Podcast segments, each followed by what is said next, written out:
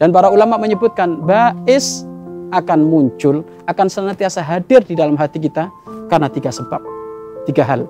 Karena tiga hal atau tiga sebab. Satu, bais itu akan muncul tatkala kita ini berada dalam satu kondisi khof takut.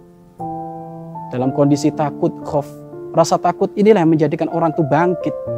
Makna dari rasa takut, rasa takut yang menjadikan orang bangkit itu seperti apa? Satu contoh. Ada mungkin seorang pasien yang sudah mendapatkan warning dari seorang dokter bahwasanya dia memiliki satu kadar gula yang sangat tinggi di dalam anggota tubuhnya. Ya terkena penyakit diabetes lah. Setelah ditengok, ditengok ternyata subhanallah kadar gulanya hampir mencapai 500. Dan dokter pun menyampaikan kepada si pasien, kamu tidak boleh meminum dan makan-makan yang manis.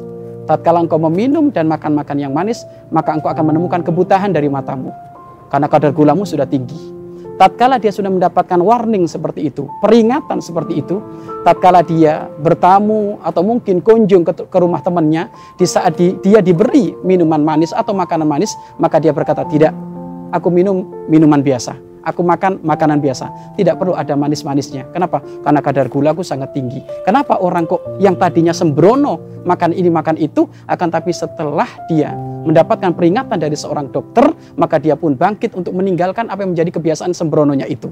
Maka dari sinilah difahami oleh para ulama bahwasanya rasa takut ini akan menjadikan sebab orang itu bangkit untuk semakin dekat kepada Allah Subhanahu wa taala.